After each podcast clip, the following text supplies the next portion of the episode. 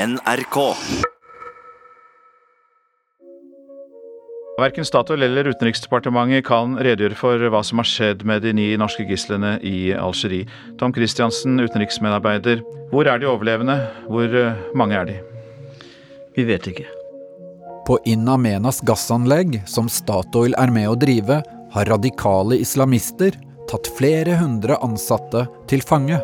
Vi hadde jo sagt det hele tida, at det verste tilfellet her er jo at, eh, at vi, det er mange vi ikke får hjem igjen i livet. Myndighetene i Algerie sier de ikke forhandler med terrorister. Så da skjønte vi at det, det var mye verre enn det vi hadde trodd.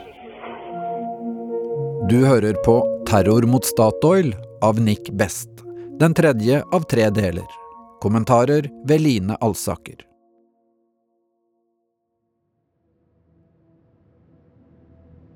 Vi la oss på gulvet inne på kontoret der. Seks mann halvveis oppå hverandre og prøvde å, prøvde å sove. Noen ba til Gud, og noen ba til Allah. Og ja, man har jo sine forskjellige måter å søke trøst på, da. Det er natt til torsdag. Ture Ingebrigtsen har gjemt seg i en kontorbrakke ved Inn Amenas i nesten 24 timer. Noen hundre meter unna holder gisseltakerne fem ansatte fanget på prosessområdet. Ingen har sett fangene. En brite, en amerikaner og tre norske på et døgn. Da begynte vi å høre helikopterstøy og hard skyting. Og da så vi helikoptre, tomt bevæpnede helikoptre med masse tungt skyts under selve flykroppen. Det forsto vi var de militære som var i, uh, i aksjon. Det gikk seint. Tida gikk utrolig seint. Noen kilometer unna har terroristene latt Kjell-Jan Kversøy ligge aleine hele natten inne i et tørrlager på anleggets boligkvarter. Det var motordur og, og enkeltskudd gjennom hele natta mest. Kjell er skutt i hoften og skulderen og klarer ikke bevege seg. Han har heller ikke fått sove. Jeg hørte bare på lyder mens jeg lå der. da. Og så tok det seg veldig opp om morgenen. Myndighetene i hovedstaden Alger har sendt en ny kommandør til In Amenas. Det er general Atomein Tartag. Han er nestleder i sikkerhetstjenesten og kjent under navnet Le Redicatør, utrydderen. Nå tar han over militæroperasjonen. Utrydderen er trent i Moskva og kjent for å aldri forhandle med terrorister. The Algerian army was clearly piling up more and more men and equipment outside, and there was more and more incoming gunfire. Britiske Nick Hitch har sittet som gissel ute hele natten. Han har håpet at militæret skal redde de. Men nå tvinger Shedad, den nordamerikanske gisseltakeren, fangene til å ringe TV-kanalen Al Jazeera. We have prisoners, we have hostages with bombs taped on the body. Please uh, call back, please call back. Gislene forteller om en situasjon som er i ferd med å forverre seg. The situation is deteriorating. Um, we, we have contacted all our respective embassies the military withdraw. Og nok en gang formidler de terroristenes krav om at militæret må trekke seg tilbake. Without any warning, at 8:30, Shaddad, the English-speaking one, he announced that they were going to start shooting hostages at 10 o'clock, and that I would be the first. Og så da ringte Nick med en instruks da fra terroristene at hvis ikke militæret nå trakk seg litt tilbake, så ble Nick eh, skutt. Kolbjørn Kirkebø, som overlevde angrepet på bussen dagen før, er nå i en leir inne i Inn Amenas by etter å ha blitt operert i hoften. Han møter flere andre som har klart å rømme. Én er en sjef i BP som har med seg satellittelefonen sin. Og um, så Det var, da det begynte å demre for oss at dette var mye mye verre enn det vi hadde, hadde sett for oss idet vi lå der i bussen. Verken BP eller Statoil vet hvordan de kan påvirke situasjonen. De har ingen innflytelse på det algeriske militæret. I kept thinking about how the execution would take place, how they would shoot me, all the different ways that that might happen. Det har snart gått 90 minutter etter at terroristene ga beskjed om at militæret må trekke seg tilbake. And I started to think about if there were easier ways to die quickly and escape from it. Men da fristen nærmer seg, begynner soldatene å skyte voldsomt inn mot boligkvarteret. Gisseltakernes leder Tahar er skutt i beinet, og dermed tar en annen, mer aggressiv jihadist over. Jeg, jeg merka stemningen så veldig amper. Kjell-Jan Kversøy i tørrlageret hører at gisseltakerne blir urolige av den voldsomme skytingen. Så kom det en inn til meg der, og, og, og da retta han jo gjever og sa at jeg skulle komme meg ut. Gisseltakerne vil ha skuddskadde Kjell ut av tørrlageret. Så nei, jeg klarer ikke å røyse meg, så jeg kan jo ikke det. Og så gikk han ut, og så ruska han av en bordduk. Og så rulla de meg over på den bordduken, og så drog de bordduken ut. Og eh, da skjønte jeg at nå hadde, det, nå hadde det gått galt, så nå, er det, nå skal vi avrettes. Men det virker som gisseltakerne har andre planer enn å henrette gislene. De vil kjøre de ned til prosessanlegget og samle alle sammen der. We were all grouped together, and the, the two helicopter gunships were buzzing around us above. Noen av gislene blir brukt som levende skjold, så terroristene kan få inn flere landcruisere på plassen utenfor kantinebygningen. And the terrorists immediately uh, shot out all the side and rear windows with their Kalashnikovs. En av gisseltakerne leser fra Koranen, mens andre begynner å be. And then the English speaking terrorist Shadad started leading construction of the, the bomb for each vehicle. Nick står sammen med de andre gislene i en ring, mens det blir montert en bombe til hver landcruiser i midten av sirkelen. But I was strangely calm. We just looked at each other and quietly acknowledged that this was probably the end because we could see what was happening. Og da begynte det å haste, da.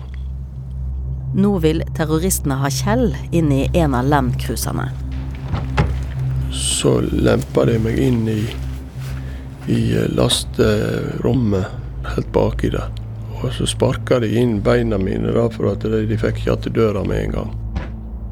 Gisseltakerne stiller alle bilene på rad og rekke. Så klemmer de hverandre og roper farvel. Og så ble det intens eh, skyting igjen. Det krabba inn det helt innåt denne veggen til baksetet. For jeg tenkte denne, denne bilen kommer ikke til å tåle så mye kule, tenkte jeg på. Bilen Kjell ligger i, blir ødelagt av alle skuddene, og terroristene bestemmer seg dermed for å la den stå igjen. Jeg så de andre gislene. De for forbi bilen min med hendene over hodet, stripsa. Og så sto de bøgd rundt de bilene der. Mens Kjell ligger i bagasjerommet i den ødelagte bilen, blir Nick Hitch og de andre stappet inn i de seks andre landcruiserne. De fyller opp med fire eller fem gisler i hver bil. About half and half with terrorists. No seatbelts, we're all just jammed in hard. Nick sitter i midten i baksetet, ved siden av gisseltakeren Shedad. Shedad har en landmine i fanget. Eh, Og så kom det jo en, en terrorist med en pistol. Så han la på ruta med begge flate nevene kan du si, opp på ruta og så ned til meg. Der i lasterommet. Kjell ligger i bagasjerommet og tror terroristen skal henrette ham. Og så for han igjen. Og, eh, og så forsvant alt sammen i, i en forferdelig uh, skyting og, og ulyder. Mens seks landcruisere suser ut av boligkvarteret, blir én bil stående igjen på tomgang. I den ligger Kjell alene i bagasjerommet.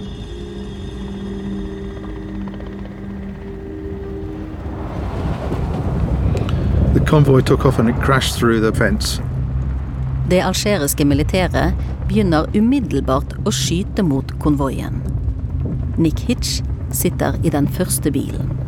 It was like, like hail falling on a tin roof or, or a glass roof.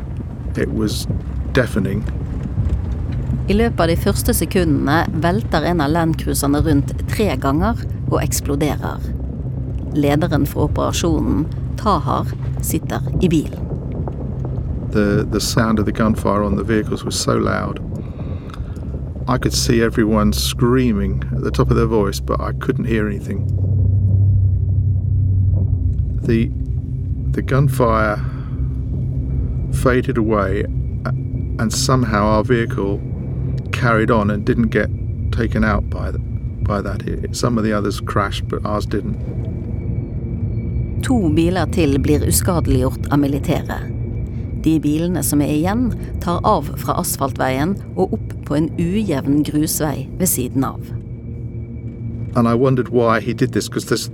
This, this, this, this. Mens kulene suser fra helikoptrene, velter to andre biler. Bilen Nick sitter i, styrer mot asfaltveien og hovedinngangen. So I looked out at the windscreen I thought, I've got to die now.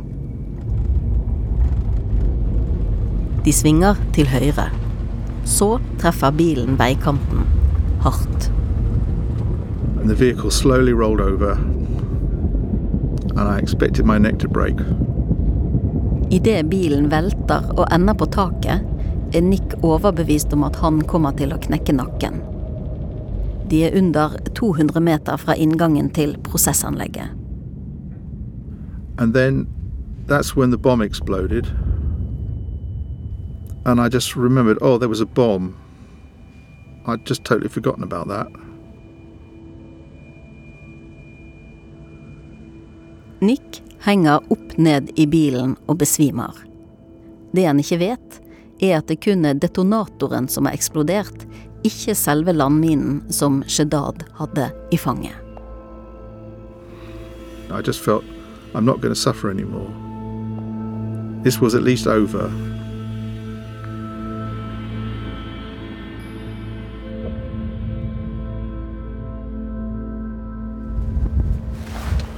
Så hørte jeg at lyden ble mer og mer vekker, og at det var ikke så nært. I landcruiseren som ble stående igjen på boligkvarteret, har Kjell-Jan Kversøy hørt på det som har skjedd.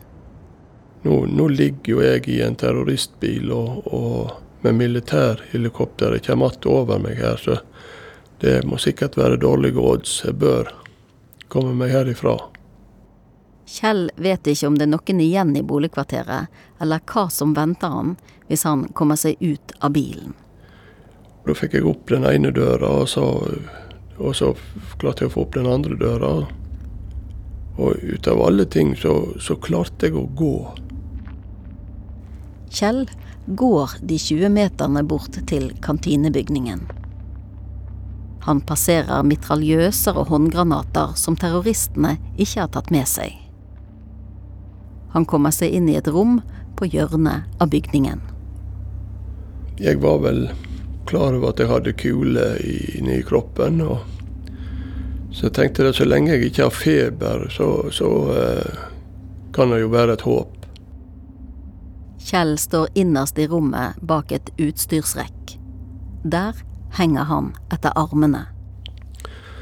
Så begynte jeg å bli veldig varm.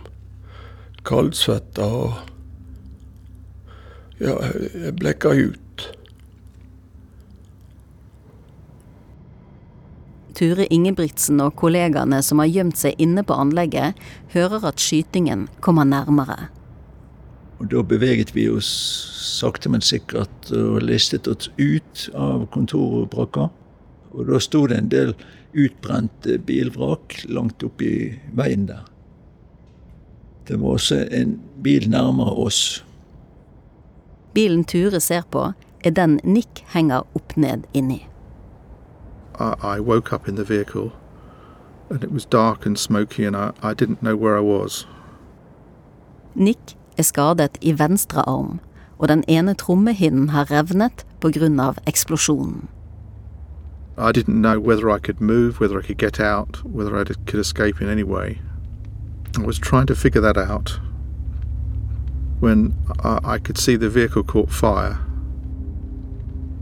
And uh, I, I caught sight of a window.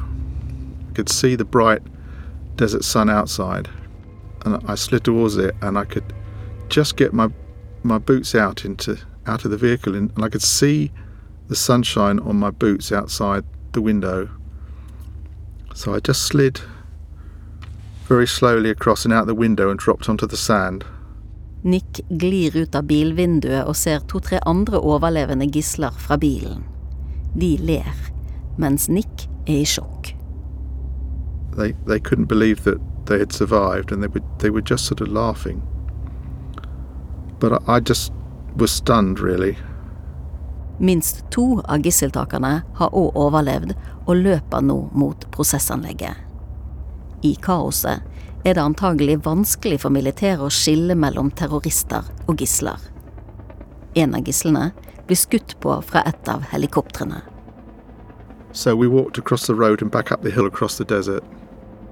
Nick og de andre går i motsatt retning av terroristene og skytingen, opp veien tilbake mot boligkvarteret. We walked through two nearby wrecks of two other vehicles. In these, the bombs had gone off properly and, and totally destroyed the vehicles. Nick og de andre vandrer mellom bilvrakene. Av de 36 gislene som ble kjørt i konvoien, har bare ti overlevd. I en av bilene finner de to som er hardt skadd. De prøver å hjelpe. My friends tried to help them, but, but it, it was quite impossible, really. And the best we could do was try and get help for them. Fra inngangen til prosessanlegget begynner gisseltakerne å skyte mot Nick og de andre. De klarer å komme seg unna, og etter noen hundre meter langs anleggsveien tar militæret imot de. Der forteller de om de to skadde i bilvrakene som desperat trenger hjelp.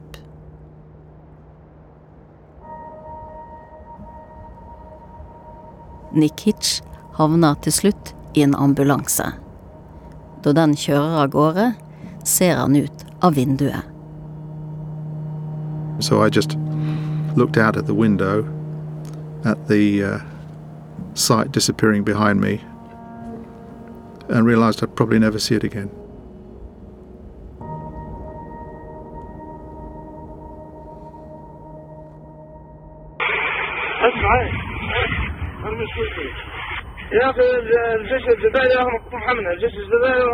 Terroristene ringer til et nyhetsbyrå i Mauritania mens de blir angrepet av militæret.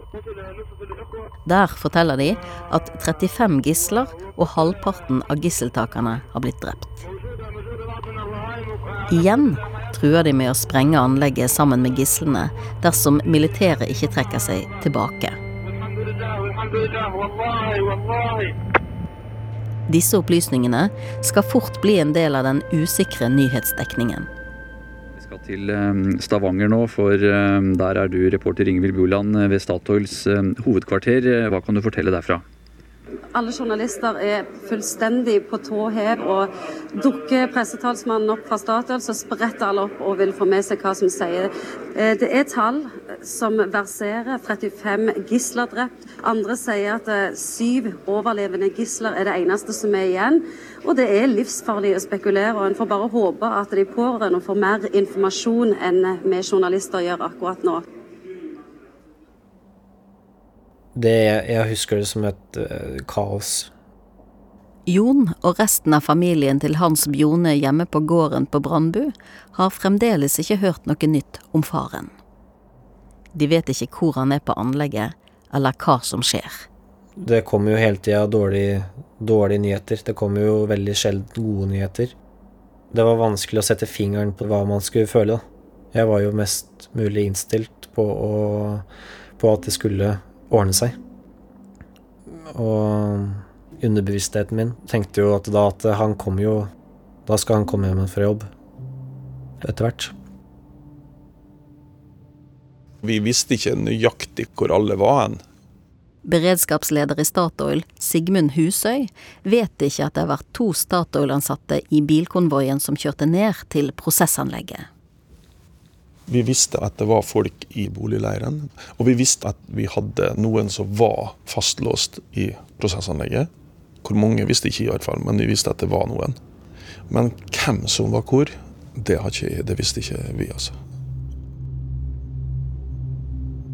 På In Amenas inne i utstyrsrommet våkner Kjell der han henger etter armene. Han angrer på valg av gjemmested. Så sto jo døra sto lite grann på glutt. Så så jeg ut, forsiktig ut av dørsprekken der, og det var ing, absolutt ingen å se. Jeg hørte bare at det var bilen min som fremdeles gikk på tomgang etter, etter all den tida. Det begynner å bli kaldt. Kjell har bare tynne bukser og en bordduk rundt seg. Og um, da fant jeg ut at det er kanskje best at jeg går inn igjen i restauranten og legger meg i det der tørrlageret. Men da klarte jeg ikke å gå lenger. Kjell åler seg mot inngangen til kantinebygningen, og så kryper han tilbake, inn i tørrlageret. Og så, når jeg da kom til det rommet som jeg lå på, det der tørrvarerommet, da eh, Jeg husker ikke noe mer, så da bare sovna jeg, altså. Da var jeg nok helt gåen. Noen kilometer unna boligkvarteret står Ture Ingebrigtsen og ser på de ødelagte bilene som har kommet kjørende. Og vi så at de kom gående to mann. Skadet kom gående nedover langs veien og inn i vaktbua. Det er de to skadde overlevende som Nick Hitch så i bilvrakene, som har klart å komme seg ned til prosessområdet og inn i vaktboden. Ture tar de med seg inn i kontorbrakken. Og Da begynte vi å forbinde de og uh, legge de til rette på så mykt og så behagelig de kunne ute i eh, kontorlandskapet. De lager bårer av skillevegger til de to skadde, og legger de på gulvet under noen kontorpulter. Ture og tre andre går så ut fra kontorbrakken for å se om det er mulig å rømme. Vi hadde hørt at det var klippet hull i gjerdet. Men uh, da så jeg terroristene To terrorister var på vei mot brakka vår.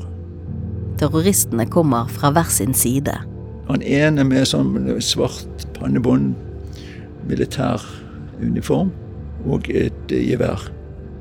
De snur seg og løper inn i bygningen, bort til det lille kontoret. Jeg var sistemann som kom inn på kontoret, og fikk uh, slengt igjen døren og barrikaderte med arkivskapet. Ture og de andre rekker ikke å ta med seg de to skadde før hoveddøren går opp. Og da kom de to terroristene inn. Terroristene finner de skadde som ligger i kontorlandskapet, og stiller de spørsmål på engelsk. Hvem har hjulpet dere? Hvem har hjulpet dere? Hvor er de som har hjulpet dere? Ingen. Ingen har hjulpet oss, svarte de. Og vi hørte mye sånn basketak og slag og spark. Dermed leiter terroristene gjennom kontorbrakken på nytt. Åpne opp alle dører og skyte gjennom kontorene. Og så kom de til vår dør, da. Inne på kontoret holder de pusten for ikke å bli oppdaget. Og de skjøt gjennom døren og gjennom dørlåsen og gjennom veggen. Og vi la helt stille på, på dørken. Ingen blir truffet av kulene, men terroristene gir seg ikke. Så hørte vi at han, en av terroristene tok løpefart fra motsatt side av eh, kontorbygningen, og så løp mot døren vår og satt foten eller skulderen i døren. Døren holdt, men eh, vi så at det, det var det var ikke mange av de der forsøkene der som vil uh, gjøre at døren gikk opp, da. Så hørte vi to skudd utenfor. Og så hørte vi noe romstering og skramlelyder, da. Før det ble stille igjen. Inne i det barrikaderte kontoret hører Ture at terroristene går ut av bygget. Da bestemte vi oss for at uh, vi må prøve å rømme. Vi må komme oss ut herfra, for neste gang så er det ikke sikkert vi klarer å holde stand. da.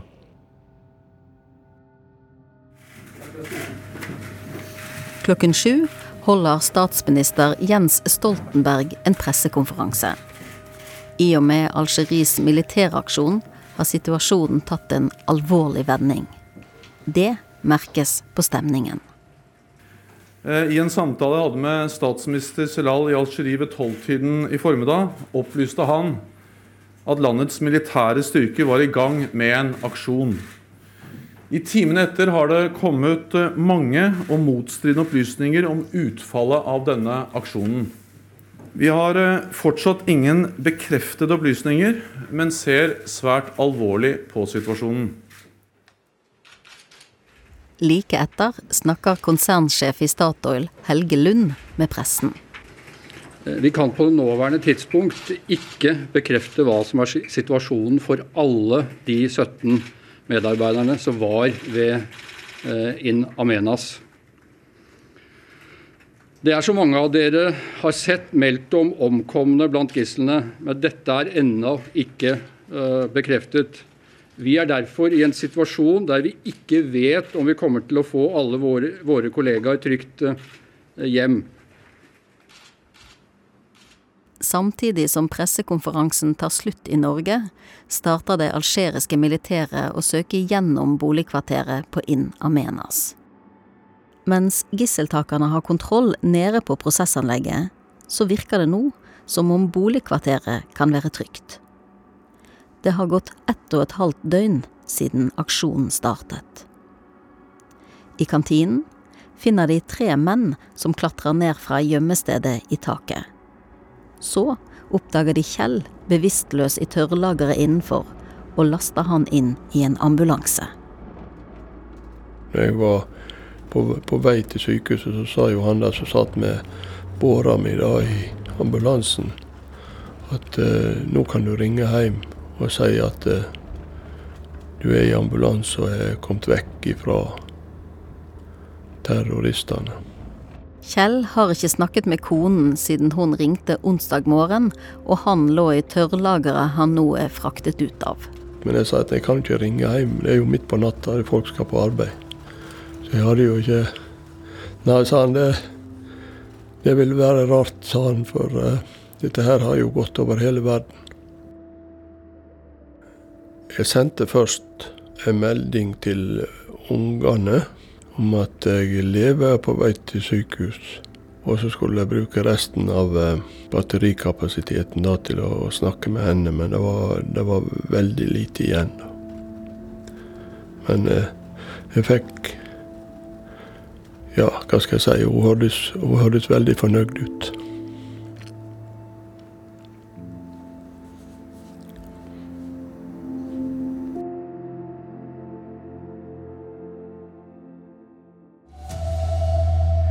Verken Statoil eller Utenriksdepartementet kan redegjøre for hva som har skjedd med de ni norske gislene i Algerie. Tom Christiansen, utenriksmedarbeider. Hvor er de overlevende? Hvor eh, mange er de? Vi vet ikke. Det er eh, høyst usikkert. Ture Ingebrigtsen og de andre har holdt seg på rommet etter at terroristene prøvde å trenge seg inn, og de hørte to skudd utenfor døren. I mørket diskuterer de hvordan de skal komme seg ut og vekk fra anlegget. De bestemmer seg for å flykte tidlig om morgenen når det begynner å bli lyst. Men eh, når klokken ble to, da, så Vi var jo alle våkne og preget av det som hadde skjedd. Vi bestemte oss for at nå prøver vi. Vi går nå.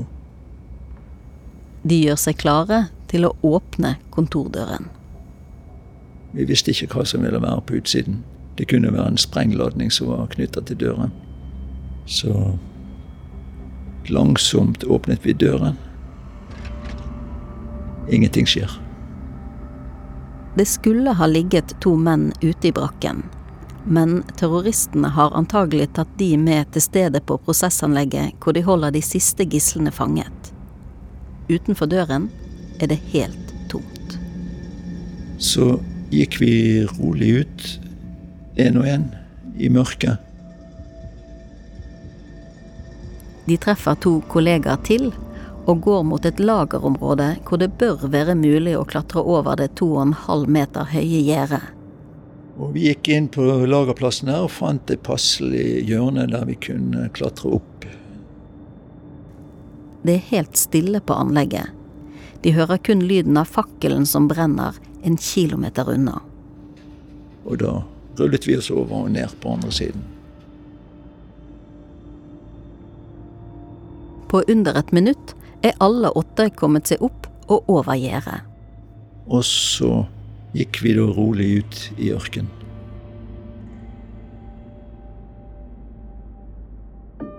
Ture og de sju andre vandrer langt ut i ørkenen. De får ingen hjelp fra militæret. Det skal ta 17 timer før de kommer til hovedveien og møter en bil som får de i sikkerhet.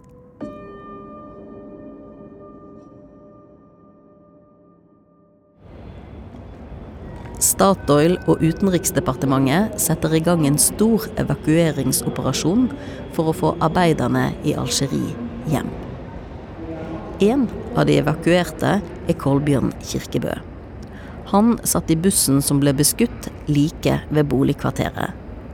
Konen Anne møter han i Bergen, i ankomsthallen på Flesland. Jeg syns det var helt ufattelig å kunne ta på han og si at du, han har armer. jeg sa han gikk. Jeg sa han gikk ut av flyet. Jeg tenkte OK, han kan gå.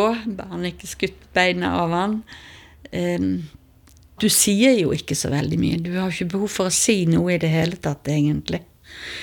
Eh, bare det å, å se at du lever. Og jeg husker veldig godt at vi våknet jeg tror klokken var fire om morgenen.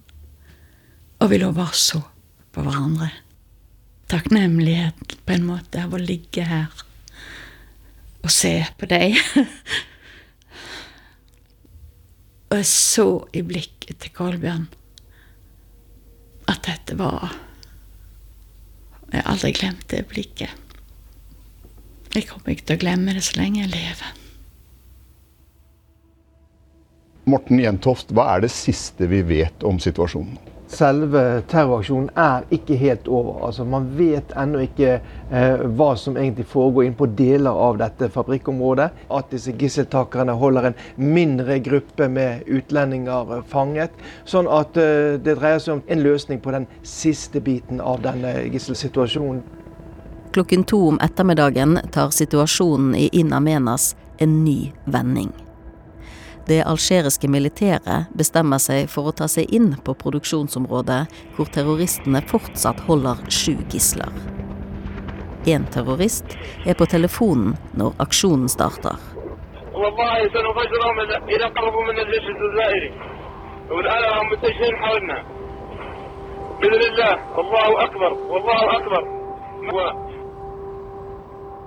Ingen vet med sikkerhet hva som skjer på dette tidspunktet.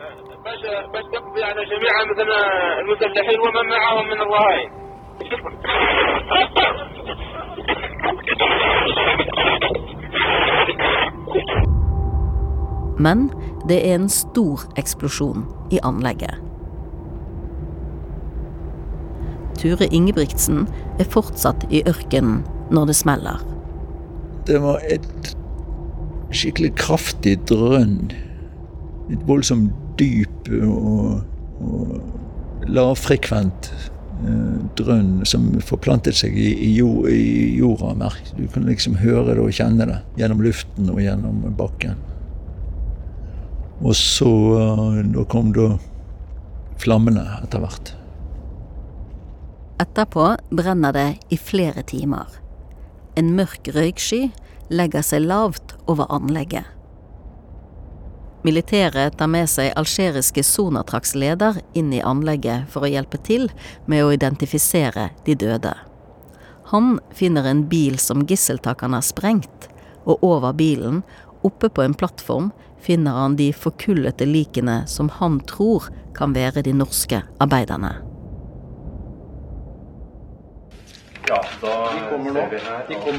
En tydelig preget Statoil-sjef Helge Lund møter pressen. Tre og et halvt eh, døgn er gått siden angrepet eh, på In Amenas. Ryktene er fortsatt mange, og det er også mange ulike eh, spekulasjoner. Situasjonen er uavklaret for fem Statoil-ansatte, og verken UD eller Statoil har ny bekreftet informasjon. Vi kjenner en dyp og økende uro for våre fem eh, kollegaer. Flere ansatte fra ulike land er savnet.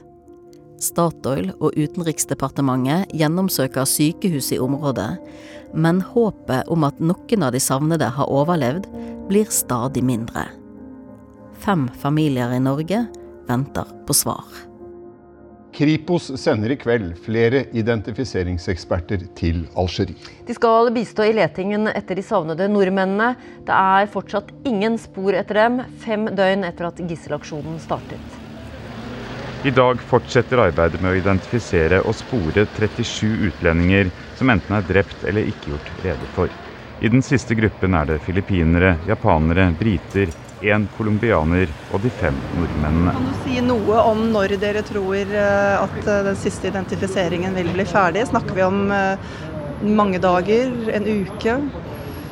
Det er helt umulig å si. Det er avhengig av det materialet vi får lov til å undersøke.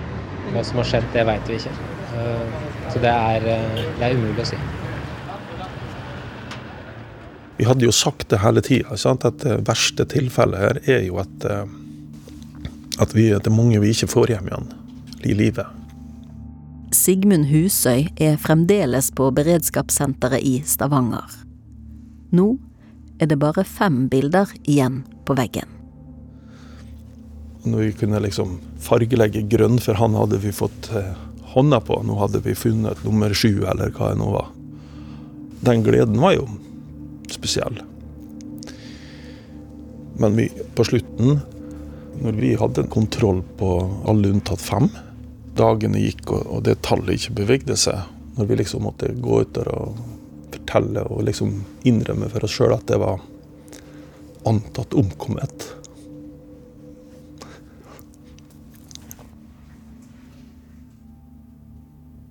Det var de fem nordmennene, de var fortsatt savna. Og det kom jo hele tida um, teorier om at de kunne ha blitt eh, kidnappa videre, eh, frakta til en annen plass. Så man hadde jo alltid sett håp. Det har gått over en uke siden Hans Bjone ringte hjem til Jons mor. Og mot slutten så var jeg, var jeg hjemme, og da husker jeg presten kom. Kom kjørende. Og skjønte jo med en gang hva som var på ferde. Så da gikk jeg for meg sjøl opp på badet. Um, jeg visste jo hva som hadde skjedd, men uh, jeg ville ikke tro på det. Jeg husker at jeg da prøvde å ringe han for å på en måte Ja, litt desperat forsøk på å se om man kunne få en form for kontakt. Men uh, det fikk jeg så klart ikke. Det tar nok en uke før den siste norske savnede blir erklært død. De fem er Tore Bech, 58 år, bosted Bergen. Hans M. Bjone, 55 år, bosted Brandbu. Viktor Sneberg, 56 år, bosted Sandnes. Thomas Snekkevik, 35 år, bosted Austrheim, Bergen. Alf Vik, 43 år, bosted Grimstad. I alt blir 40 ansatte og minst 29 terrorister drept under angrepet på In Amenas gassanlegget.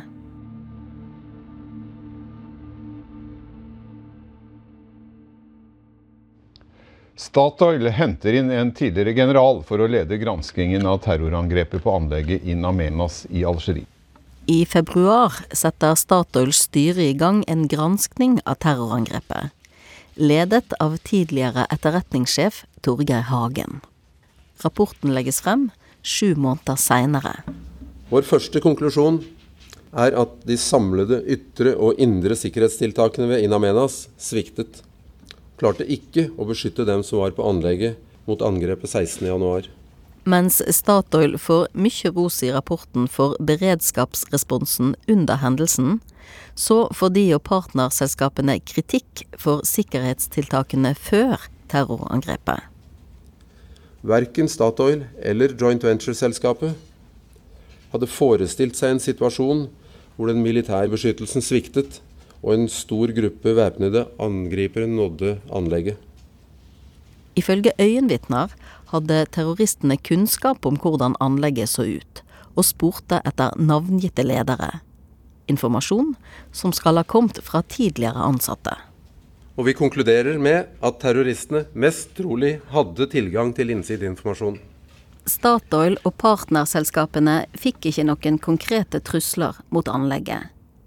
Men rapporten slår fast at selv om selskapene registrerte enkelte terrorhendelser i området før angrepet, så var de ikke i stand til å sette disse sammen til et trusselbilde som kunne ha ledet til en endring i sikkerhetsopplegget. Det er granskningsgruppens konklusjon at med det trusselbildet selskapet i dag står overfor, er det behov for en betydelig styrking av selskapets samlede kapasitet, kompetanse og kultur innenfor sikkerhet. En alvorstung Statoil-sjef i Blitzrein i dag. Han vet at kritikk venter fordi ledelsen ikke har tatt sikkerhet nok på alvor. Helge Lund og Statoil-styret må svare på kritikk. Dette var et uh, ekstremt angrep. En ufattelig uh, brutalitet. Uh, 40 mennesker mistet livet. Og fem av våre medarbeidere kom ikke hjem det er naturlig at det stilles spørsmål om ansvar og, og tillit. Det er bare terroristene som er ansvarlig for denne tragedien. Men vi og jeg må erkjenne at vårt sikkerhetsarbeid mot denne type trusler ikke har vært godt nok. Og det er det fokuset jeg og hele selskapet har nå. Jeg klarte jo ikke å lese den før etter sju år det kosta for mye. Jeg var ikke klar over egentlig hvordan jeg hadde det før det. For Bjarne Våge, som rømte fra terroristene inne i prosessanlegget, tar det tid før han leser granskningsrapporten. Men når jeg leser den, så forstår jeg hvorfor hovedkontoret eller Statoil her i Norge ikke hadde informasjon om det som skjedde der nede. For det var jo før denne hendelsen en del eh, terrorangrep i området. Men så var det vel ingen som trodde at et, eh, et sånt massivt angrep kunne skje. Vi opplevde det som lyn fra klar himmel. Vi følte oss beskytta så langt som det gikk an å beskytte. Men, eh, men vi, vi, var ikke forberedt på en, en hel invasjon. Kjell Jan Kversøy, som ble skutt og funnet i lagerrommet etter nesten to døgn. Men det er, det er, jo veldig lett når du kan sitte inntil åtte år og tenke på hva som burde vært gjort. Så er det jo, det er jo lett å, å finne en alternativ bedre løsning da enn hva vi opplevde når vi var der nede. Um, the events are playing over and over in my head all, all the time. Nick Hitch jobber nå som frivillig for Hostage International, en veldedig organisasjon som støtter mennesker som har blitt rammet av gisselaksjoner. Han må leve daglig med hendelsen i Algerie. especially the convoy. Even when quite important things are happening, I'm just somewhere else. And it's almost as if those memories are more real than what's what's happening in the room. And it's sort of weird because remembering what happened, sometimes it, it almost feels like it could turn out differently. Gjennom fire år med terapi har Nick Hitch funnet frem til at han nesten ble drept 13 ganger de dagene han ble holdt som gissel på In Amenas. I, I find myself struggling sometimes to accept being alive, and the scar on my wrist, although it looks trivial now, only I really know it's there. Every time I'm doing some physical task, I, I can see it, and it reminds me. Om, om dagene så går det jo eh, greit. Kjell-Jan Kversøy tenker òg på det som skjedde på Innamenas hver eneste dag. Men eh, jeg har jo hatt noen dumme netter. Det er ikke tvil om. Hvor jeg har vært midt oppe i kampen. Så eh, det har ikke vært én dag hvor jeg ikke har tenkt på hendelsen. Men eh, i ettertid så er jeg veldig klar over at eh, jeg har vært utrolig heldig. Veldig, veldig heldig.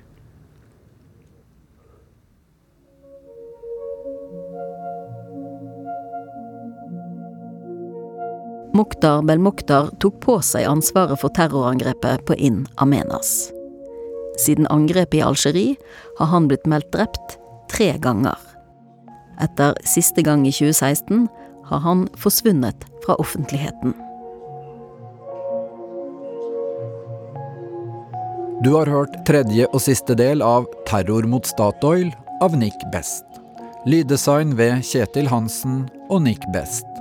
Produsent Line Alsaker, som også sto for kommentarstemmen. Redaktører Hege Haug Omre og Siril Heierdal. Jeg heter Kjetil Saugestad og er prosjektleder, og svarer på e-post om du sender en respons til hele historien krøllalfa nrk.no.